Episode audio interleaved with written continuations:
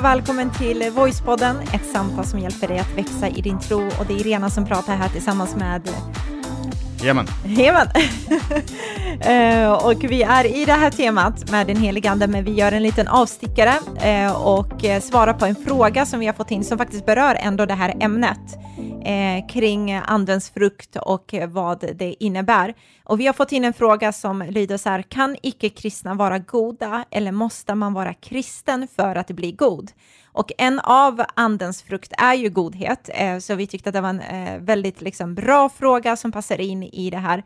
Eh, och en väldigt, väldigt, liksom, jag tror det är en fråga som många kanske funderar kring. Vad, vadå, måste jag ha Gud för att vara god? Eller kan, jag känner mig väl rätt så god i mig mm. själv. Mm. så vi ska hoppa in och svara på det här. Jag vet att du står här och är bara superladdad, Heman. Jag ser det på dig, att du vill bara liksom bara svara.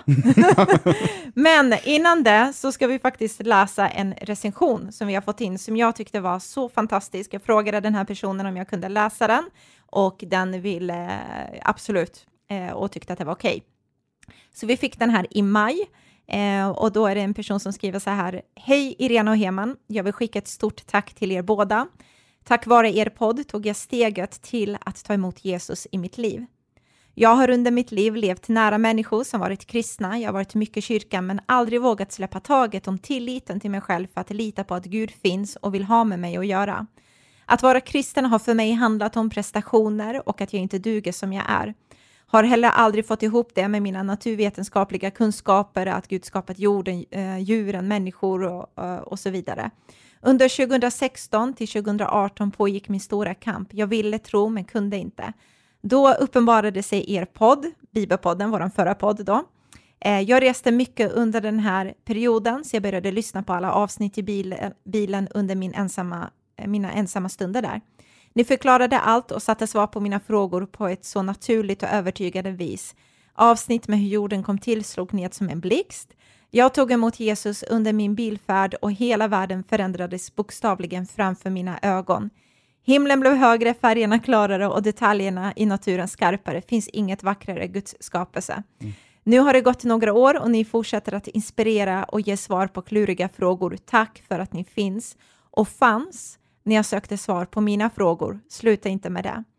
Eh, sluta inte med det ni gör. Tack vare er tog jag emot Jesus vid 52 års ålder. Wow. Vår Gud väntar trofast på att vi ska våga öppna dörren för honom. Mm. Så himla grymt. Det här var helt fantastiskt mm. och jag frågade wow, kan jag få eh, läsa upp den här? Och det var helt okej okay att få göra det. Eh, och jag bara kände så här, tänk liksom att eh, att människor har sådana olika resor med just när det handlar om Gud och vad man behöver få liksom det där sista svaret kanske, eller sista förståelsen innan det bara landar i hjärtat och man bara nu vågar jag, nu mm. vågar jag ge mig liksom hän till det här och ta emot det framför allt. Mm. Men också att man bär på olika frågor. Mm. Eh, vissa eh, bär på den här frågan som vi ska prata om idag, andra tycker att det här med vetenskapen, det är viktigt för mig att jag mm. får liksom klarhet i det. Och det jag vill skicka med, det är att det finns svar på det mesta som vi kan veta. Eh, och bara för att du inte kan svaret just nu betyder inte att det inte finns ett svar, utan det betyder bara att man kanske inte har grävt tillräckligt länge eller intresserat sig tillräckligt mycket mm. för att hitta eh, det där svaret. Och när jag hörde där så blev jag jättesugen på att göra om det här temat kring, som, som jag tror det kallades för ursprung. ursprung. Mm, det var, måste vi göra om. Precis, var kommer universum ifrån, var kommer livet ifrån, var Eh, varför är Gud den bästa förklaringen på hur universum kom till, eller den enda förklaringen skulle jag vilja säga på hur universum och livet kom till? Det kanske vi ska eh. göra faktiskt i sommar, sådana ursprungs... Ja, lova inte för mycket nu. Nej, jag ska Vi ska ha vår sommarsemester så också. Pip, så ni hör inget. ja, men, eh, men så är det, mm. verkligen. Så vi, vi återkommer med det. Mm. Men nu så ska vi snacka om det här. Eh, kan icke-kristna vara goda, eller måste man vara kristen för att bli god?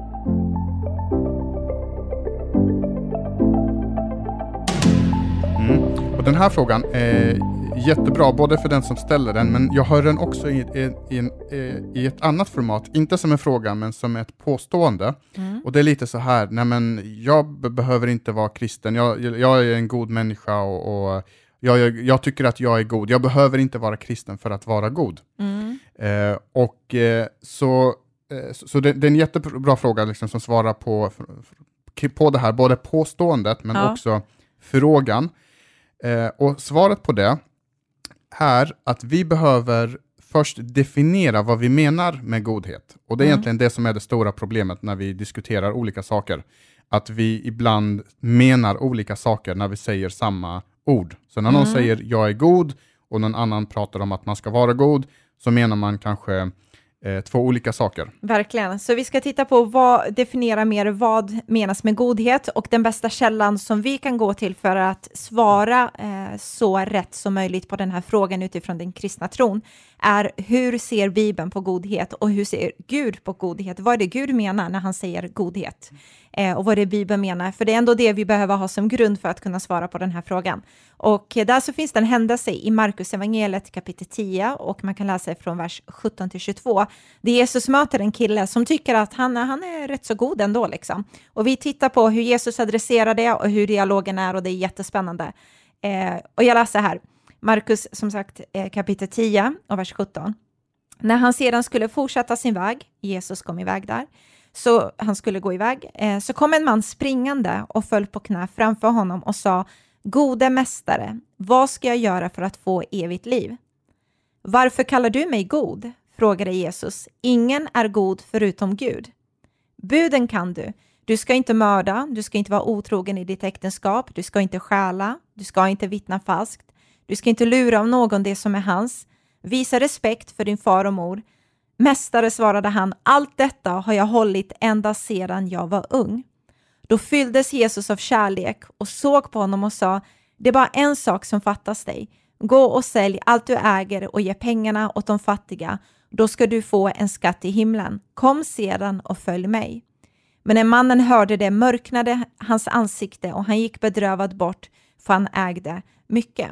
Så vi ska prata kring det här och det som är intressant bara med det här är att han säger till Jesus, jag har hållit allt det här ända sedan jag var ung. Han menar ända sedan jag var 13 år, för det är då de tar den här bar mitzva-grejen och de liksom blir eh, inne i det här. Man. man blir en man, ja precis, och mm. från och med det räknas typ dina gärningar. Mm. Precis, och, och, och, Jesus svar på det här är ju jätteintressant, för mm. den här personen kallar honom gode mästare, och då reagerar Jesus, varför kallar du mig för god? Eh, och han, ehm, han gör flera olika saker här, men en av de sakerna som han gör, det är, Jesus säger inte jag är inte god, utan han säger varför kallar du mig god? För det är ju bara Gud som är god. Mm. Eh, med andra ord så, så gör Jesus ett statement att jag är Gud. Mm. Eh, det, är bara, och, och, och jag är, jag är, det är bara Gud som är god, och när ni har sett på mitt liv så har ni tolkat det som att jag är eh, god, därför måste jag vara Gud. Mm.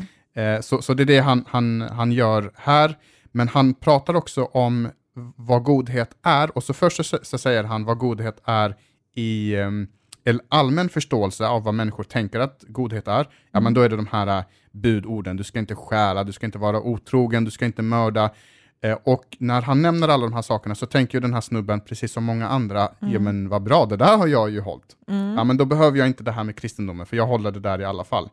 Men så, så säger Jesus, men det där är bara början. Mm. Nu när du har gjort det, så ger han honom ett, eh, liksom en annan sak som han ska göra för att vara god. Och då säger han, sälj allt som du äger och ge allt till, de, till de fattiga och sen kan du komma och följa mig.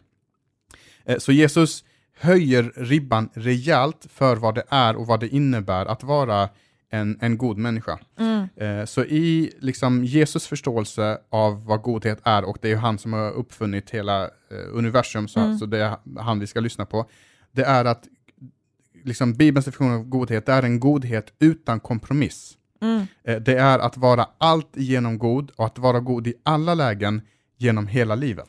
Precis, och bara för att liksom ge lite mer content till det här så att vi förstår förståelsen eh, kring det här, är också när Jesus möter en annan eh, scenario, när han möter några andra, där han säger, ni har hört buden, du ska inte liksom, eh, du ska inte, du ska inte mörda och du ska inte liksom ha äktenskapsbrott och de bitarna. De bara, nej men det, det är lugnt, det har vi hållit. Så säger han, okej okay, men jag säger er, om du bara tittar på någon annan och, som inte är din och du har liksom begär i ditt hjärta, även där har du brutit mot det. Så han går in djupare och förklarar liksom, det handlar faktiskt inte bara om att klara av det så att det ser ganska bra ut, utan det handlar om det innersta, innersta, det vill säga att jag behöver vara helt felfri alltigenom hela tiden. Liksom. Det är den godheten. Exakt. Så för att, för att vanliga människor, icke-kristna och kristna skulle jag vilja säga, eh, ska kunna enligt den allmänna definitionen vara goda, då måste man, eh, eller för att man ska kunna säga att man är god, då, då tvingas man att sänka ribban för vad det innebär att vara god, för annars kan ingen leva upp till eh, det här idealet eller det här eh, liksom som, som godhet verkligen är. Mm. Eh, och då blir det ju så liksom att ja, men jag gör en god handling lite då och då, men jag är också självisk ibland. Ja, men jag fuskar inte med skatten, men jag gör inte allt för att, jag ska kunna, för att vi tillsammans ska kunna utrota fattigdomen i världen, för det kan vi göra om vi vill. Om mm. vi alla bara bestämmer oss för att vi ska utrota fattigdomen, då kan vi göra det. Jag är inte otrogen mot min fru eller min man, eh, eh, för att jag har ju inte legat med någon annan, men jag, eh, ibland så fantiserar jag eh, på någon annan man eller någon annan kvinna. Så, så det är eh, liksom att vi måste sänka ribban för att kunna leva upp till den. Mm. Men grejen är att Jesus gör tvärtom. Han höjer ribban och, och, och där är ju inte kristna annorlunda, så det är inte Nej. så att kristna är bättre än icke-kristna, utan vi gör nästan likadant eh, ibland. Vi, vi sänker eh, ribban för att kunna ehm, eh, leva upp till den. Mm. Eh, och på ett ställe så, så höjer Jesus ribban ännu lite till, och det är den här versen som egentligen sätter ribban för vad verklig godhet är. Eh, och det är det Jesus säger i Matteus evangeliet kapitel 5 och vers 48. Då har han hållit liksom den här um, bergspredikan som den heter, han har pratat jättelänge och sen ska han knyta säcken lite grann och så säger han var fullkomliga som er fader i himlen är fullkomlig. Mm. Eh, och ordet fullkomlig här kan man byta ut mot ordet perfekt. Mm. Alltså var lika perfekt som Gud är perfekt. Mm. Eh. Och då pratas det inte bara om ibland, Exakt. Inte bara om när du har en bra säsong, eller en bra vecka, eller en bra flow, utan ständigt, hela tiden, o, liksom, eh, obrutet, så ska du ständigt i allt vad du är vara helt perfekt. Alltså det ska inte finnas en uns, en millimeter, promille av någon slags så här egocentriskt tänkande eller liksom något, no, någonting. Förstår ni? Alltså mm. det blir helt galet. Och mm. om man sätter det i den eh, för, förklaringen i vad det verkligen innebär att vara godhet, då börjar man ju undra lite. Och då kan, i, och då kan ingen kalla sig god, utan mm. då, säger, då, då som sagt, eh, visar Jesus vad det innebär att vara verkligt god, och då har vi höjt ribban så pass högt så att det är bara en person som kan eh, komma över den ribban, och det är Gud själv. Mm. Och det är just därför Jesus säger då, varför kallar du mig för god? För jag, jag lyckades leva upp till allt det här, jag mm. lyckades hoppa över den här ribban när vi har höjt den till max. Eh, varför kallar du mig för Gud, äh, god? För det är ju bara Gud som kan vara god. Så är det. Och det som är intressant med det här med att höja ribban är att Jesus, han höjer inte ribban bara för att sålla bort de där svaga som inte klarar av det här, utan han vill ha den här lilla elitklicken som fixar det här, utan han höjer ribban för att just tydligt visa att han är den enda som kan klara av att göra det, för han är 100% Gud, 100% människa och kunde leva ett ett liv utan synd och levde upp till lagen, levde upp till Guds krav, levde upp till att vara den här goda godheten själv. Liksom. Och han gör det för att vi ska inse att vi klarar inte det här utan hans nåd i oss. Mm. Och jag tror också det kan bli så här förvirrat, förstår man inte vad Bibeln pratar om vad godhet är, och att bara Gud kan vara god alltigenom, då kan man ju bli så provocerad tror jag om man ser till och med vissa kristna så här, så bara, alltså du beter dig inte ens som en god människa borde bete sig och du säger att du är liksom kristen, vad är det där för någonting? Och så kan man se folk som inte är kristna som bara, men han beter sig bättre än hon eh, på det här området och hon har inte ens Gud och han har Gud och, mm. och så känner man så här, det är orättvist. Mm. Men då har vi ännu en gång sänkt ribban i vad vi anser är godhet och vi mm. behöver förstå, precis som du säger Heman, med vad godhet är. Exakt, och, och precis, vi, sänk, vi sänker ribban och, och då blir ju svaret på den här frågan, kan icke-kristna vara goda eller måste man vara kristen för att bli god? Då är ju svaret på det att varken icke-kristen eller en kristen kan bli god i sig själv. Så det, så det är inte titeln som du klistrar på dig som, som det handlar om, utan det är bara Gud som kan vara god och därför så, eh, så valde Jesus att dö på ett kors, han besegrade döden och så lät han sin godhet bli en del av min godhet. Han tog min icke-godhet, min ogodhet, mm. och så gav han mig sin godhet istället. Eh, och, och, och, och, godhet är ju en av andens frukt som vi pratade om i förra avsnittet. Om du inte hört det så kan du gå in och lyssna på hela det här temat kring andens eh, frukt. Eh, så godhet får vi genom anden, mm. men vi kommer nog aldrig lyckas leva upp till att vara goda alltigenom kompromisslöst i alla lägen, i alla mm. tillfällen. För det är bara en person som är god. Så är det, och hans namn är Jesus. Och han, författaren C.S. Lewis, han sa så här, det kan låta lite så här fyrkantigt, men jag tyckte det var grymt. Han säger så här, ingen förstår hur ond han är förrän han har ansträngt sig ordentligt att vara god. Alltså lite så här, ingen förstår att oj, nej, jag är nog inte alltigenom god eh, tills jag börjar jämföra med Eh, eller så här, rättare sagt att när jag börjar jämföra med Bibelns definition av vad godhet är, då förstår jag att jag inte kan säga att jag är en god människa rakt igenom. Exakt. På ett ställe så säger Jesus också att utan mig kan ni ingenting göra. Eh, mm. Och jag tror att han säger det, jo, han säger det i samband med det här som vi pratade om i förra avsnittet, om att han är vinstocken, vi är grenarna, och när vi är i honom så, så, så bär vi frukt. Mm. Eh, så anledningen till att vi överhuvudtaget kan säga att vi är goda och att vi gör goda handlingar, det är just för att vi är i Jesus. Eh, för att han har gjort någonting i våra mm. liv och det är han som producerar den här godheten i oss. Men inte mig själv och därför kan ingen skryta och säga ja, eh, ah, titta på mig vad, vad duktig jag är. Utan, utan det är ett resultat av att, att det har växt inom mig för att Gud, jag har sått i, i liksom andens åker mm. som vi också pratade om förra gången. Och nu har det börjat växa goda saker, frid och kärlek mm. och godhet. Och, ja, Gud formar oss så att vi blir mer och mer lika Jesus.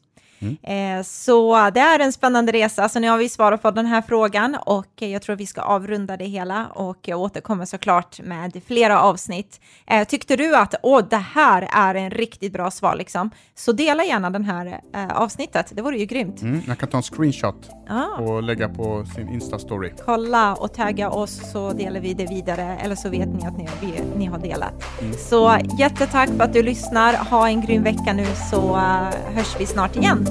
Ha det bäst nu. Hej då!